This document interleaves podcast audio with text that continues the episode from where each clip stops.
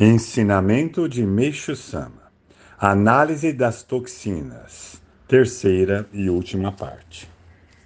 Com relação a esses maravilhosos resultados de cura da doença, o fato mais surpreendente é que a maioria que nos procura são doentes em estado grave, a um passo da morte, que já se submeteram a diversos tratamentos médicos populares, religiosos, etc., sem alcançar a cura.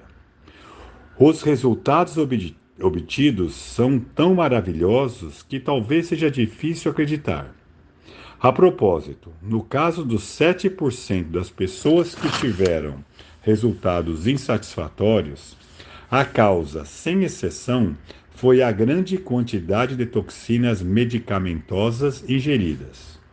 Em suma, o diurei é um método de eliminação das toxinas medicamentosas. Isso torna-se evidente ao observarem que, quanto maior for a redução das quantidades dessas toxinas, maior é a tendência de melhora. Logo, transformar o Japão em um país livre de tuberculose não é tão difícil.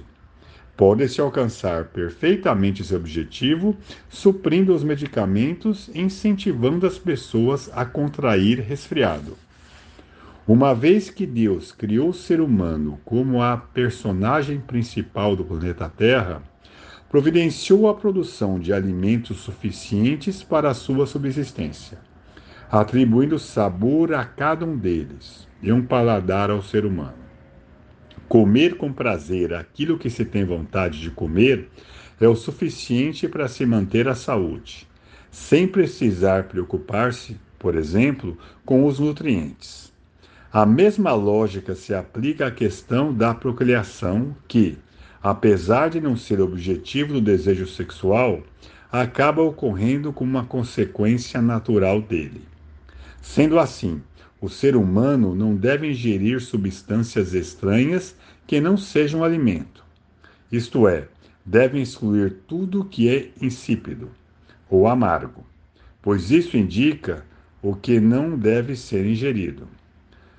Por desconhecimento deste princípio, costuma-se dizer, desde a antiguidade, que o bom remédio é sempre amargo, o que constitui um flagrante equívoco.